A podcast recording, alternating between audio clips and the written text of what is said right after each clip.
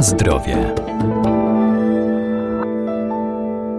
Co kryją w sobie produkty, które spożywamy? Możemy to sprawdzić na etykietach. Tam muszą być zawarte wszelkie informacje dotyczące składników, jakie zostały użyte w procesie technologicznym, w tym dodatków do żywności. Część z nich jest zupełnie nieszkodliwa, ale niektóre mogą się kumulować, powodując różne dolegliwości, dlatego są one stale monitorowane.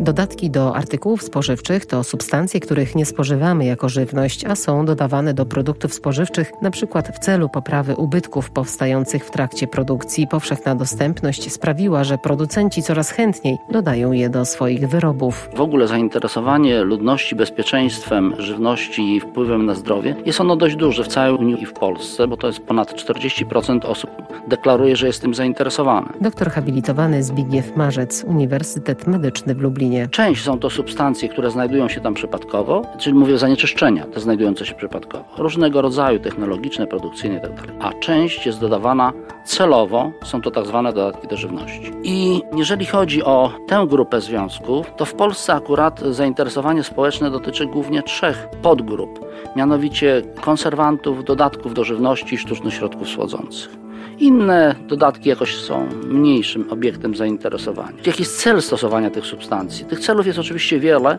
ale najważniejsze to jest przedłużenie trwałości i cele technologiczne, a więc też ograniczenie strat żywności w tym poprzez utlenianie, poprzez rozwój bakterii. To nie jest tak, że my sobie dodajemy te konserwanty tylko po to, żeby było wygodniej producentom i to jest bardzo duża część, ale część po prostu żywności się dużo marnuje, powiedzmy sobie szczerze. To nie jest tak, że możemy wszyscy brać żywność bezpośrednio świeżutką prosto z działki. Ona musi być konserwowana, bo nie wytrzymała transportu, przechowywania itd. Tak Więc to jest niejako konieczność też, może niezbyt miła, ale jednak konieczność. I teraz oczywiście są grupy produktów, w których y, nie dopuszcza się stosowania konserwantów do żywności. Ja pozwolę sobie tutaj parę takich przytoczyć. To są świeże warzywa, owoce, duża ilość produktów mlecznych, mąka, y, oleje roślinne, jeśli nie są oczywiście w jakiś sposób y, aromatyzowane czy coś takiego, bo to jest już inna sprawa, oraz kawa i herbata bez dodatków. Natomiast gdzie możemy się spodziewać największej ilości dodatków, jakiego rodzaju produkta?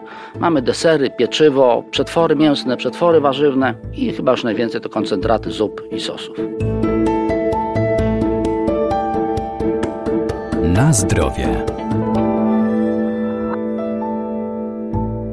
Kody dodatków rozpoczynają się od dużej litery E i liczby od 100 do 1999. Litera oznacza funkcję, jaką pełnią, a liczby odnoszą się do grupy, w jakiej znajduje się dana substancja. Pierwsza grupa od E100 do E199 zawiera, to od razu powiem, 50 substancji. Te przedziały, o których będę mówił, nie są pełne, czyli kompletne i tam jest, mówię, tych 50 barwników, zarówno naturalnych, syntetycznych, jak i nawet mineralnych. Tu dla ciekawości mogę powiedzieć na przykład czyste złoto. Duża grupa substancji konserwujących, o te 200 do prawie 300, tam jest 41 substancji. Znaczna grupa to przeciwutleniacze, czyli substancje zapobiegające zmianom na skutek działania tlenu w żywności.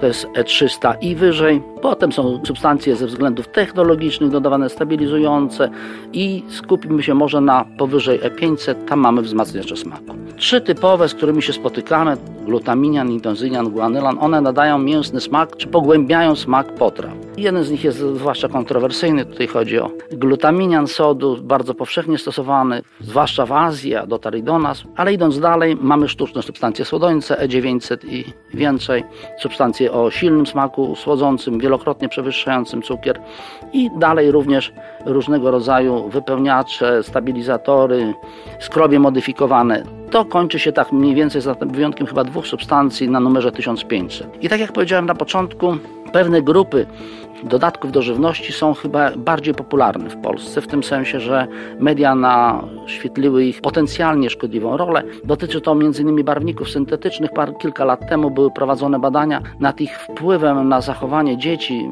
Konkretnie chodziło o występowanie ADHD i można by powiedzieć, że popularnie przypisano im taką rolę co nie jest do końca prawdą, bo konkluzja Europejskiego Urzędu Bezpieczeństwa Żywności jest taka, że mogą mieć szkodliwy wpływ na aktywność, co nie znaczy, że go mają. Tym niemniej jednak komisja zaleciła przebadanie ponownie sześciu barwników do 2020 roku, a trzem z nich już obniżono wartości ADI, czyli dziennego dopuszczalnego pobrania. Tak na wszelki wypadek.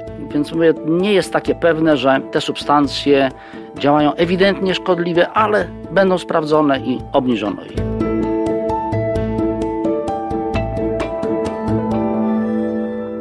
Warto więc czytać składy produktów na etykietach żywności, którą kupujemy, by mieć świadomość tego, co spożywamy, a najlepiej trzymać się zasady, że im mniej substancji użyto do jej wyrobu, tym lepiej. Na zdrowie.